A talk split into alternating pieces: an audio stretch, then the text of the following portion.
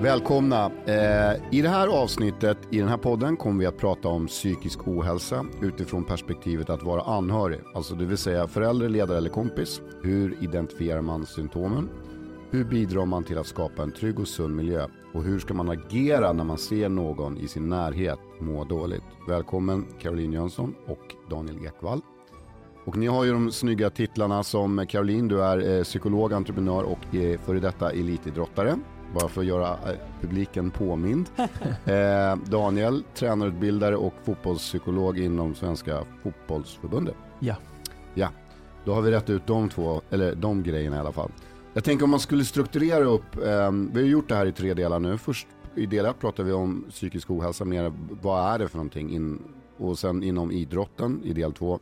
Ja. Och nu mera hands-on, Mm. vad man skulle kunna göra. Och om man bryter upp det i några ämnen så är det ju att eh, ett, se symptomerna, Mm. eh, agera, eh, att skapa en trygg miljö och egna erfarenheter. Och skapa en trygg miljö kan ju också vara förebyggande som vi har pratat om tidigare. Men eh, om vi börjar med eh, eh, symptomerna. Mm. Mm. När ni är ute på fältet eller möter Ja, men jag, jag, jag tänker så här att vi brukar ju faktiskt på, inom tränarutbildningen nu inom fotbollsförbundet och andra idrotter också brukar vi ha uppe just den frågan kopplat till våra tränare. Alltså hur kan jag se om någon mår dåligt och oftast handlar det ju om någon form av beteendeförändring hos den aktiva eller ja, vem det nu än är som mår dåligt. Att jag kanske vanligtvis pratar väldigt mycket och sen nu är jag väldigt tyst eller eh, jag brukar vara väldigt skötsam men nu sparkar jag bort bollar och är ilsken. Utåtagerande Ja, eller? Till exempel. Eller jag kommer sent till träningen. Eller, så att just någon form av beteendeförändring kan ju vara möjligtvis en liten flagga som, som viftar där. Men jag tror det är en viktig flagga att ta i för att det kan ju bero på saker och ting som, som inte är psykisk ohälsa men det har ändå hänt någonting som man inte har utlopp och agera på någonting annat. Eh, Så att jag tror det är jätteviktigt att, att, att som tränare, ledare, Mm. förälder ändå vara uppmärksam på någon form av beteendeförändring. Och jag tycker det var bra men du kanske också kan märka om man är mer på rummet, eh, man deltar inte vid middagar hemma, eh, väldigt mycket med telefonen, eh, ovanligt mycket kanske, eller ute längre eller så. Och det behöver inte alltid vara negativa saker som, som gör att man gör en beteendeförändring. Nej. Men jag tycker definitivt man behöver kolla upp det. Det kan vara kopplat till själva idrotten men det kan också vara kopplat till en, kanske låt säga en hemmastruktur eller någonting sånt också. Ja, Precis. visst, eller skolmiljö eller så. Det kan ju vara om, om det är yngre, alltså barn så, där, så kanske det kan vara fysiska symptom också, alltså någon huvudvärk eller ont i Mm. magen eller så där, som, som kan vara signaler på, på psykisk ohälsa. Och med era erfarenheter och kunskap, hur tänker ni kring agerandet? Själva, vad, vad gör man? Hur, hur ska de göra? Hur ska en, en förälder eller en ledare göra om de börjar märka att en, en unge börjar, ja men som du nu säger Daniel, kanske bete sig annorlunda, göra någonting annorlunda som kanske tyder på att de inte mår så bra?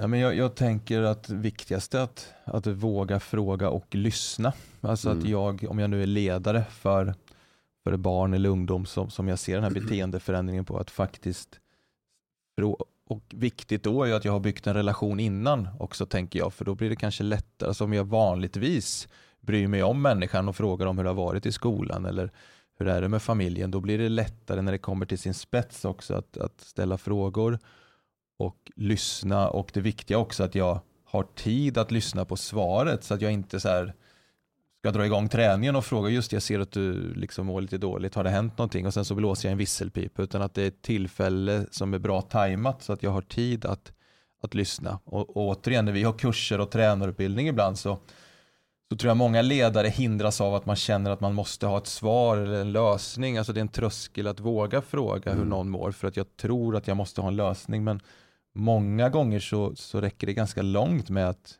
erbjuda ett stöd, att jag, att jag lyssnar. Jag tror det är jätteviktigt och jag tror det som du är inne på där Daniel, jag tror också att träna rollen generellt. Alltså man Mm. har en roll av att man ska vara den som ska visa, ska Mm. berätta, ska ha en lösning, är van att observera och tror kanske att den rollen är överförbar också när det gäller det här. Här är det kanske viktigare bara att lyssna. Mm. Att våga ställa frågan och, och som Daniel säger, hur bygger man den relationen då så att man, man gör det här förebyggande arbetet? Och det kan ju vara sådana saker som att man pratar om saker och ting som inte har med sin idrott att göra. Du Mm. kanske ska diskutera klimatfrågan, du kan diskutera hur man tar sig till träningen, du kan diskutera andra intressen, du kan prata lite grann om hur det går i skolan. Så att man i sin vardagsmiljö Mm. runt idrotten lyfter upp andra ämnen. Kan, det, kan det vara sunt att en förening till exempel som, ja, men, låt säga inom fotboll, kanske gör någonting annat tillsammans också? Som Jättesunt. inte rör just själva idrotten. Jättebra. Och det tror jag det som man också får då, dels för byter du liksom en fysisk kontext. Mm. Och det kan ju vara allt från att du kommer till träningen, du byter alltid om på samma ställe, du sitter alltid jämte eh, samma kamrater, till att du, du fysiskt förändrar kontexten och miljön, Mm. vilket gör att vissa beteenden automatiskt måste förändras. Men också att de som kanske av olika anledningar har hög status i, i, i om du tar fotbollen som exempel eller andra idrotter och helt plötsligt sätts du i en miljö där du ska mm, lösa ett mattetal och sen ska man springa och eh, cykla enhjuling och sen så ska du gå och beställa eh, i, i baren eh, någonting att dricka till alla. Mm. Eh, läsk eller vatten och ta reda på vad alla vill ha till att du ska sitta vid lägereld och, och prata om, om livet. Liksom. Alltså helt plötsligt så får du andra sociala situationer vilket gör att andra människor kommer lyftas i olika situationer och konstellationer rörs runt. Mm. Och i det skapas det möjligheter att lyfta frågor som man i vanliga kontexten inte gör. Mm. Och, och du kanske också får människor som inte tycker att enda som är kul är att stå och, och, och hoppa liksom längdhopp. Och, och liksom, utan jag tycker också det är roligt att få prata. Jag kommer också för att jag gärna vill liksom få möjlighet att prata om annat någon gång och stå gärna och diskutera i kön. Liksom, och det är det som gör att jag kommer till träningen. Mm. Gör man då andra saker så kanske man behåller dem lite längre tills det genuina idrottsintresset tar över. Och, och därför är det också viktigt tror jag. Det, där skap, eller, det där för oss över till nästa då, som jag nämnde punkt, det är ju det där att skapa en, en trygg eh, miljö, som du nu har beskrivit. Ehm, hur, hur gör ni Daniel inom, Ja, men jag, vi, vi, eh, som vi sa i förra avsnittet här, att jag, jag är ju ledare både för liksom barn och eh, liksom, Just det, 12-åringar och... eh, Ja, uppåt, liksom, ja. IFK. Norrköping och herrlandslag. Och det är ju en jätteviktig del för oss att, att jobba med den här gruppmiljön och det som är så, ska säga, det som är så bra nu att det finns liksom forskning kring vilka miljöer är bra för, för, för din prestation och då handlar det mycket om tillhörighet till en grupp. Liksom. Hur får vi alla att känna en lagkänsla till exempel genom Mm. att kanske göra något, något annat en stund, att fokus är på utveckling och lärande mer än bara ett kortsiktigt Mm. resultat. Det har man ju också sett är viktigt för prestation men förebygger säkert också liksom psykisk ohälsa. Eh, och att jag inom, att jag får vara med och påverka lite grann. Alltså att jag, även om jag är 12 år så kanske jag kan bestämma lite vilken övning ska vi göra på uppvärmningen eller att jag får välja vilken fot jag ska skjuta med den här skottövningen. Att jag, att jag får känna att jag påverkar min situation. Det har man ju också sett både bra för prestation och mitt mående. Så, så jag tänker att det är ganska viktiga tips att ha med sig och också återkoppla till förra frågan här kring när jag som ledare lyssnar för då kanske jag får höra att den här idrottaren mår dåligt eh, och inom den ramen kanske jag faktiskt ändå kan göra någonting. Om du Mm. till exempel berättar att du har tre prov i skolan den här veckan och känner dig jättestressad. Då kanske jag som tränare kan säga, men du, stå över träningen imorgon, du får ändå spela på lördag. Så jag, jag kanske inom ramen för min Just led, det. jag kan avlasta och utifrån min ledarroll För att de också. har en press på sig, att de inte vill svika laget eller tappa sin plats. Eller... Precis, då kan jag Ja. uttrycka att du får ändå spela. Jag, jag hör att du har jättemycket i skolan, liksom stå över en träning. Det är helt okej för mig. Så att, att vara en ja, medmänsklig ledare. Jag tycker du säger mycket bra i den här... Ja. eh, liksom, och, och du börjar egentligen att nämna Ja. någonting som jag tror att det, det är väldigt viktigt för ledare, tränare och föräldrar att, att ha med sig. Och, och vi har en, en, en teori och en modell inom, inom psykologin som kallas eh, självbestämmandeteorin, Mm. self-determination-teorin på, på engelska, som i grund och botten var en motivationsteori. Liksom. Mm. Och det finns väldigt förenklat, ska man säga, tre hörnstenar i den. Mm.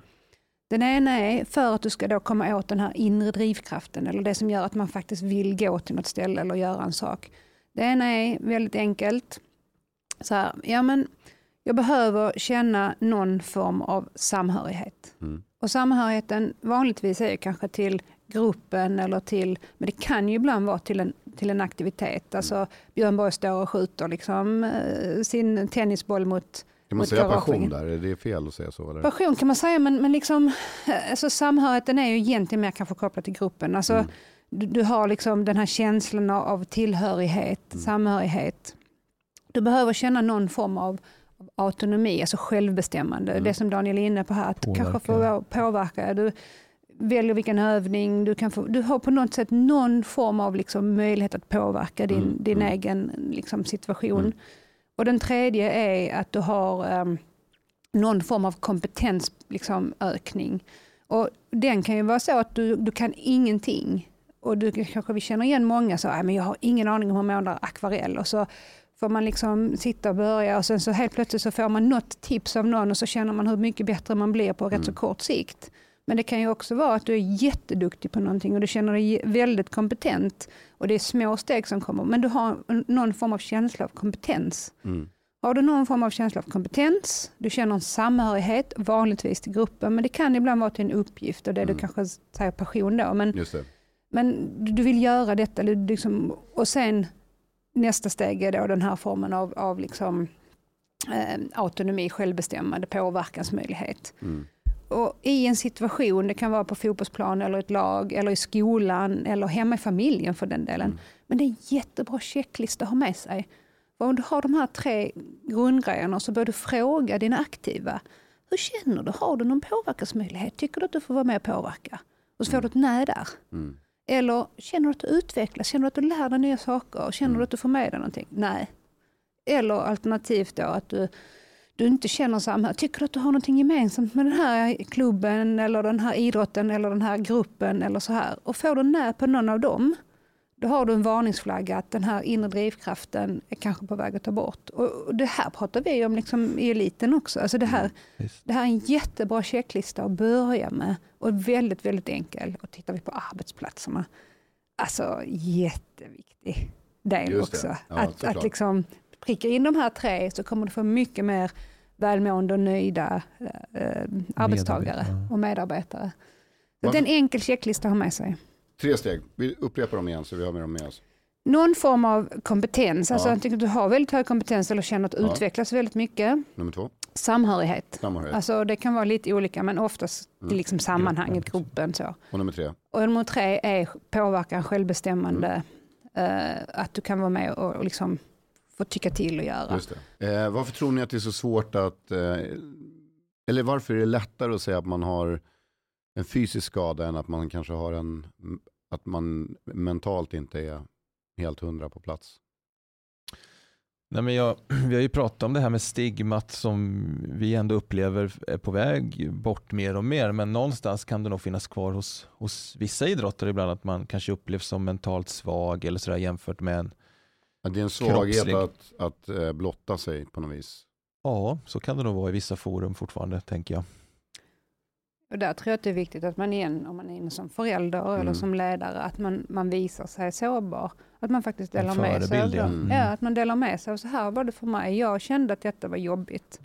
Utan att för den delen liksom kräva ett motsvar direkt. Utan man berättar kanske ena veckan och sen så tre veckor senare frågar man, har ni varit med om några jobbiga situationer? Är det så en förälder ska tänka om någon mår dåligt? Alltså för det, är rätt, det, det vet man ju att det är svårt för en, för en utomstående som kanske misstänker, alltså inte i era roller, som ni är ändå i professionellt i era roller, men jag tänker hur ska någon göra där ute som ser att en, en unge kanske inte är helt hundra och tycker att det är så svårt att närma sig den här personen. Men jag tänker att det, återigen blir det lite en skala där hur, hur, hur dåligt mående det är. Handlar det mer om nervositet inför en redovisning i klassen så ska jag nog försöka liksom uppmuntra till att göra det ändå som vi har pratat om i avsnitt mm. ett att det är okej okay att vara nervös och det är okej okay att tänka negativt men liksom vi älskar det oavsett hur det går men prova att göra det uh, och att pusha till att ja, jag vill inte lägga den här straffen, tänk om jag missar, ja men gör det ändå. Liksom sådär. Mm. Att, att prata mer om beteendet och ansträngningen och uppmuntra till att,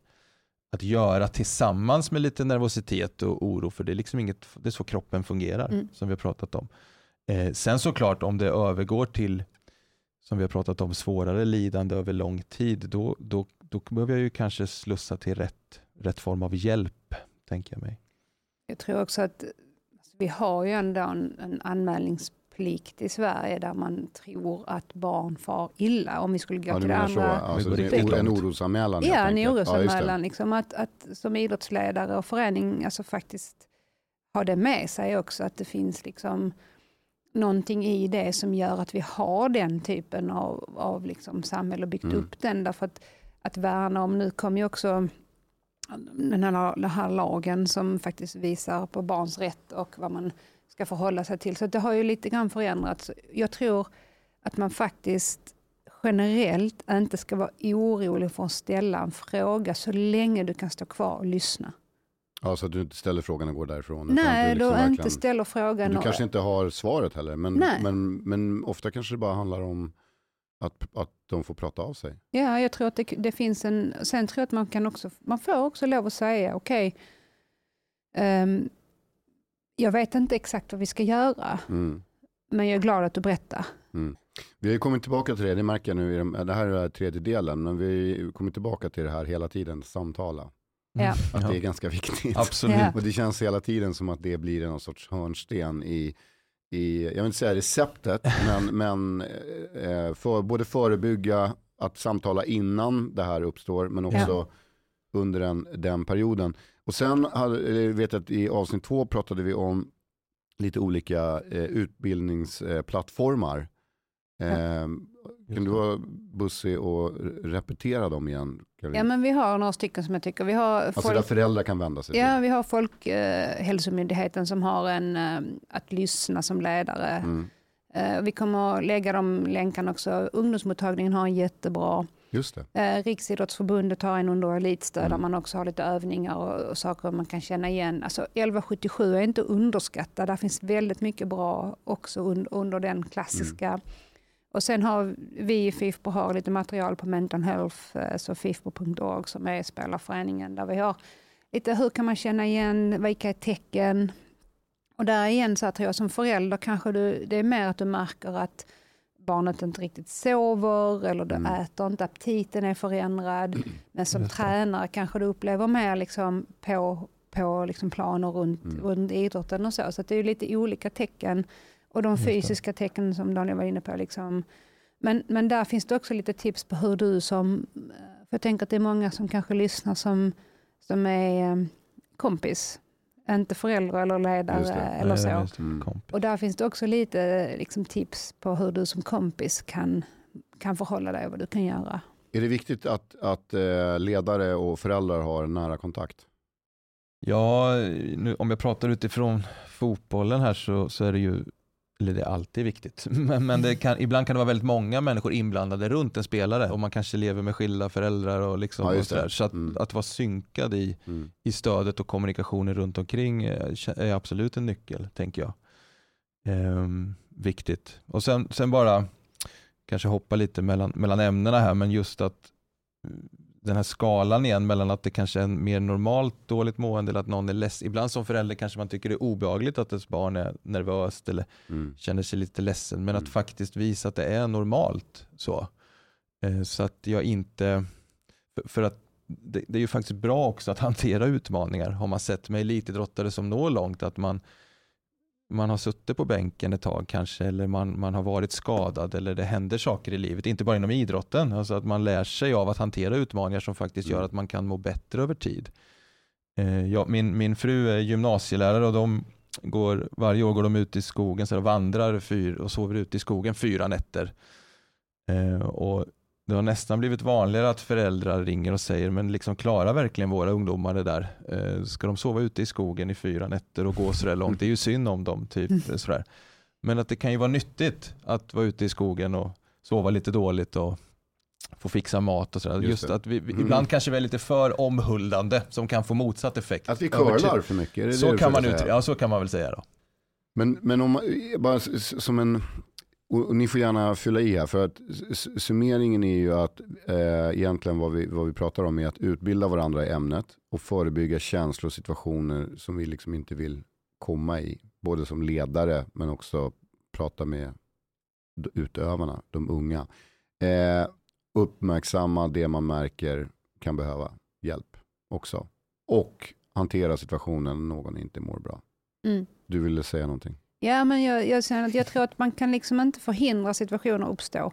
Jag tror att man måste verkligen... Ja, men alltså, förebygga då? Ja, men förebygga Ja. dem. Och, och liksom, du, du kör med ett reservdäck i bilen. Mm. Alltså då har du ju redan lagt in det i bilen för om det smäller. Mm. Och jag tror att vi behöver bli väldigt duktiga i, i skolan, i liksom de andra sammanhangen, men givetvis också i idrotten. Att precis som du tränar fysiskt och precis som du tränar tekniskt så måste vi också lägga in i vår grundutbildning mental träning och vad det innebär. Liksom. Och I det ingår liksom så här, det här är normaliserande, så här fungerar vi, det här kan du förvänta dig, det här kan du uppleva, det kommer bli jobbigt, det är normalt Mm. det här beteendet när du inte börjar sova på många nätter, när aptiten börjar försvinna, när du börjar bli passiv, du vill inte gå till skolan, du vill inte komma till träningen. Eh, det är någon som försvinner efter varje måltid, är borta, går på toa. Alltså, de tecken behöver vi också bli duktiga på att känna igen så vi kan ställa frågan tidigt. Mm. Men mycket av arbetet ligger som förebyggande, både i miljön men också för varje individ för att de kommer inte bli orolig för att de vet att den här känslan, ja just det, den är jobbig men den är normal. Så alla spelare ska ha en, en, ett reservdäck i bilen helt enkelt? Ja, jag tänker så. Det är så förebyggande. Ja, men, men det är superbra. Nej, jag tror väldigt, eller ehm, efter de här samtalen som vi har haft så tror jag, jag tror fortfarande väldigt mycket på att normalisera eh, svagheter. Alltså Ja. att, att, få vara, att få vara ledsen eller att få känna att fan, Visst. jag tycker inte att det är skitkul med den här sporten just nu. Men man kanske kan hitta vägar runt och så Ja. kommer man tillbaka. Du har ju varit inne på det tidigare Caroline. Alltså att, att du att du hittar, sätts i en annan miljö och då helt plötsligt upptäcker du din kärlek igen till, Ja. till den här idrotten. Ehm, det tycker jag också är ganska intressant. Om man kan göra på det sättet. Hur, Absolut. hur tänker ni kring begreppet workload? Ja. Ja, Det är mycket tankar kring det. ja men eh, berätta för lyssnarna vad, vad, vad, vad, vad, vad menar vi med workload? Alltså arbetspress översatt. Mm. Ja, men vi, ehm, workload i, detta, i denna här handlar om, tittar vi fotbollen exempelvis, så fler och fler intressenter vill ju tjäna mer och mer pengar. Vi vill ha fler tävlingar, vi vill ha fler matcher, den är globaliserad, vi vill åka till olika kontinenter och spela matcher i vår vanliga liga. Och där har vi gjort då det vi kallar workload, ehm, en analys helt enkelt av hur är belastningen på, på våra fotbollsspelare i detta fallet. Det vill säga hur, hur långt reser de? Mm. Hur många matcher spelar de? Hur många träningar? För att till slut blir det så att man bara spelar matcher man tränar aldrig. Eh, Du får ingen återhämtning. Vi försöker lägga in en sån sak som att du måste i alla fall ha 7 till 10 dagar i en säsong där du faktiskt är ledig och mellan säsonger eh, måste du kanske i alla fall ha fyra veckors ledigt. När har du möjlighet att, att göra någonting annat, alltså umgås med din familj, träffa vänner, återhämta dig, träna den typen av träning som gör att du orkar hålla på. Därför att det är så många som har så mycket intresse i dig som idrottsutövare som vill att du ska pressa din kropp och din prestation och maxa den hela tiden på olika platser. Ännu mer om du blir det här äh, navet i något sorts ekonomiskt system där det är Exakt. en massa människor som är beroende av dig och dina prestationer och allt vad du gör.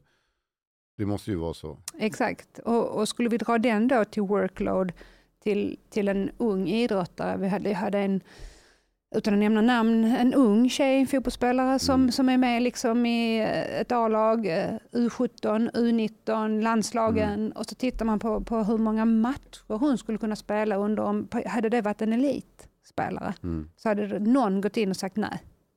För det var så extremt mycket, men här har vi ingen som har koll. Liksom. Mm. Och, och tittar vi då på de här som är med i liksom gymnasierna, du har skolan, Mm. du har kanske du vill kanske bygga upp någon form av socialt liksom, sammanhang, du kanske har en, en partner för första gången Mm. som du vill ha tid för. Och sen så ska du då vara med på alla de här olika mästerskapen och du ska hinna med skolan. Alltså, var har du din återhämtning? Alltså var får du en möjlighet att inte vara din prestation, att göra andra saker, att bara vila till exempel. Och här tror jag att vi är generellt lite dåliga, både i, i samhället i stort. Liksom. Här tittar vi på, på många idag som tycker att pandemin kanske har haft den fördelen i alla fall att man har kunnat jobba lite mer hemma, du har inte behövt ta restiden. Mm. Helt plötsligt har du liksom en och en halv timme mer om dagen att, att liksom vara hemma, du kan stoppa in en tvättmaskin. Alltså, mm. Den typen av arbetsbelastning har vi ju i samhället också. Just det.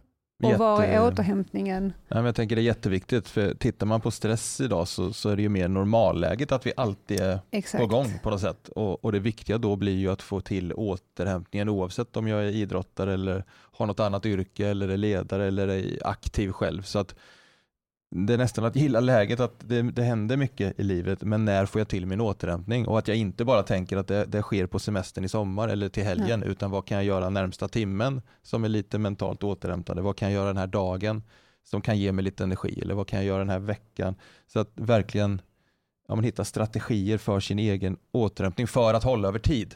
Alltså du har ju gjort den här karriärstegen som du kallar ja. den. Mm. Vi pratade om det i avsnitt två för de som lyssnar. Och, eh, hur tidigt skulle du säga i en ung människas liksom, idrottande kan en sån här workload inträffa?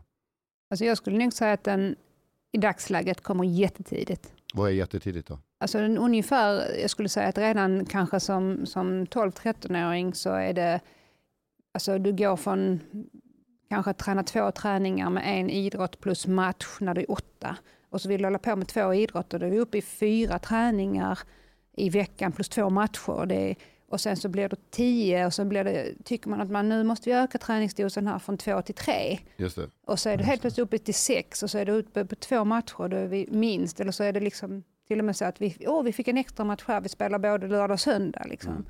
Och, och, redan där behöver du då börja välja och, och, och jag kan tycka att det här är kanske också ett tips till och hur, till många... Förlåt, hur unga är de som ni jobbar med? Alltså inom... Alltså inom um, mottagningen så ska de helst vara över 18. Vi har gjort undantag. Inom spelarföreningen så är gränsen kanske lite, lite flytande. Utan det handlar ju mer om, om vilken, eh, alltså var du befinner dig i den här eh, karriärstegen då, vad du tillhör. Just det, enkelt. då är det jättebra med tips till dem, jag tänker till de som inte är med i det där. Ja. De, de, till ledare och föräldrar. Mm. Har du några konkreta tips?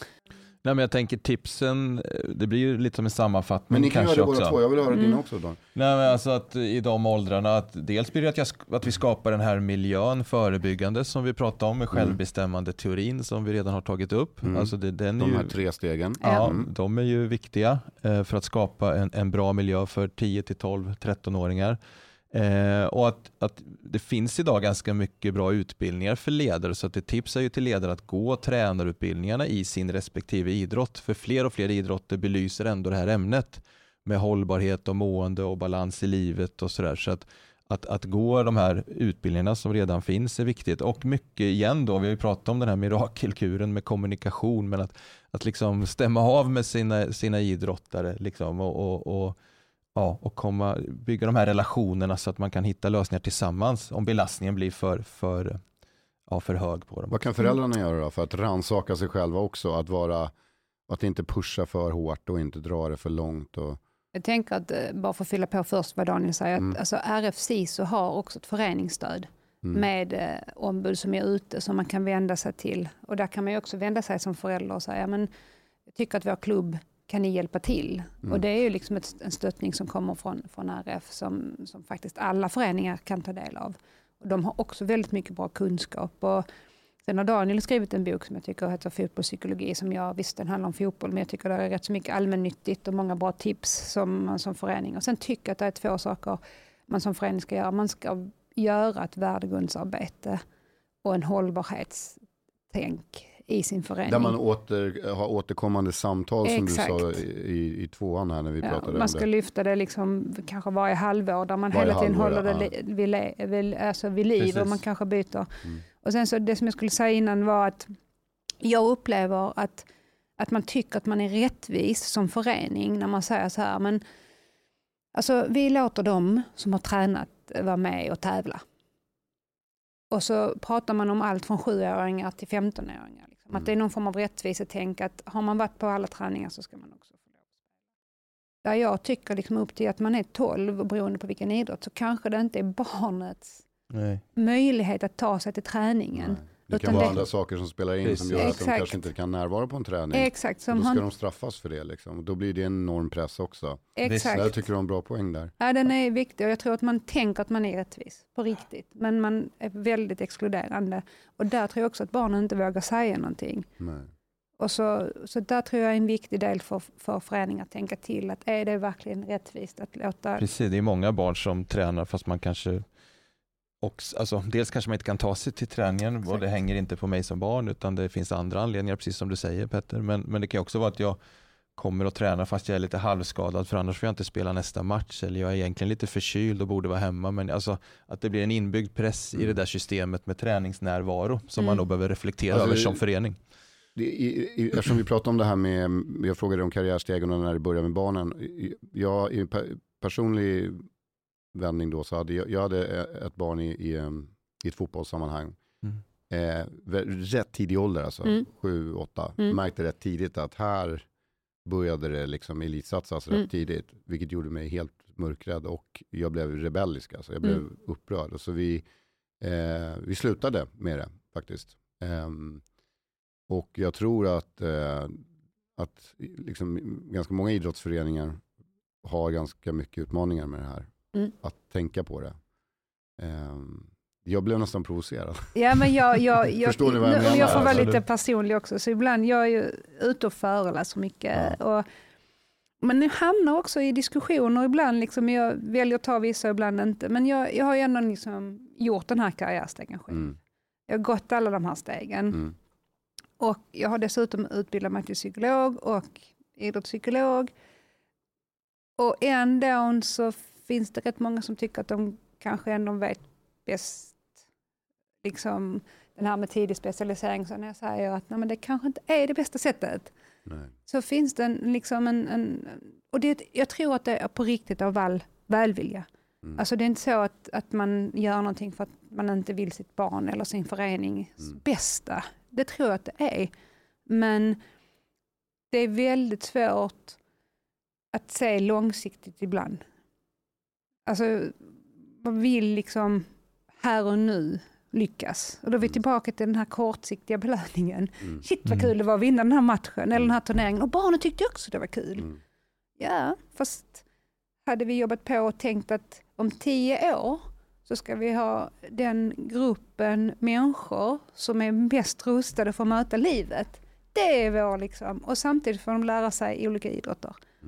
Eh, det har varit spännande vem som på riktigt börjar med det här allmänna idrottsföreningen igen, där vi tränar människor i liksom alla olika idrotter. De får liksom testa alla kroppens funktioner motoriskt under guldåren så gör vi jättemycket olika saker. Och sen när man blir 13-14 så börjar vi specialisera, men vi har innan dess tränat kroppen i allt möjligt du behöver kunna. Och sen har vi också tagit hand om dem som människor. Vi vill skapa människor som är rustade för livets utmaningar. Det Liksom. här är så bra, det är så bra det du säger. Det är också en, en, en, bra summering. Men jag tänker också på eh, överlag att, jag menar varför vi i Sverige satsar så mycket på idrotten. Vi tycker idrotten är viktig, ungdomsidrotten. Eh, varför tycker vi det för? Jo, för att vi tror att det är bra för, för våra kroppar, det är bra för det mentala alltihopa. Men det ska ju inte bara enbart handla om själva vinnandet och den saken. Utan det ska ju handla om precis det du säger, tycker jag i alla fall. Ehm, att på något sätt eh, utbilda människan. Alltså det handlar inte bara om sporten. Alltså du utbildar en människa på så många olika plan. Mm. Genom att göra det här Exakt. också. Verkligen, både livslångt Eller intresse det, är så jag, för... det är så jag vill summera det. Jag tyckte du sa det så bra. Ja, ja, men nej, det är helt rätt. Både tänker jag utifrån fysisk aktivitet, att jag får ett livslångt intresse av att röra på mig. Det måste ju vara en jättefantastisk Vilket förmodligen målsättning. förlänger mitt liv. Ja. Ja, eh, men också som du säger massor med andra värden i att liksom respektera andra människor och liksom komma ihop som grupp. Och, alltså jag, jag lär mig ju massor via idrottsrörelsen som, som gör att jag mår bra och som Samspel. jag har nytta av. Ja, men precis. Samspel mellan människor. Jobba mot målsättning, Mm. kämpa i motgång. Alltså, jag lär mig många bra färdigheter ja, som jag kommer att ha nytta av resten av livet. Mm. Vad bra. Ska vi summera det så? Jag tycker att det blev jättebra. Absolut. Det kan vi göra. Jag tycker att eh, nej men det där var ju verkligen, eh, vad ska man säga, hatten på. Ja, vi säger så. Det låter som så ni gör mycket. musiker. Tack själva. Tack. Tack. Tack så mycket. pain on a caution wind neath bleeding sky. I called your name. There was no one there in the cold and snow. I saw and we sang our song for the little thing magic gone, but the joy you bring running me down the line. Wish you could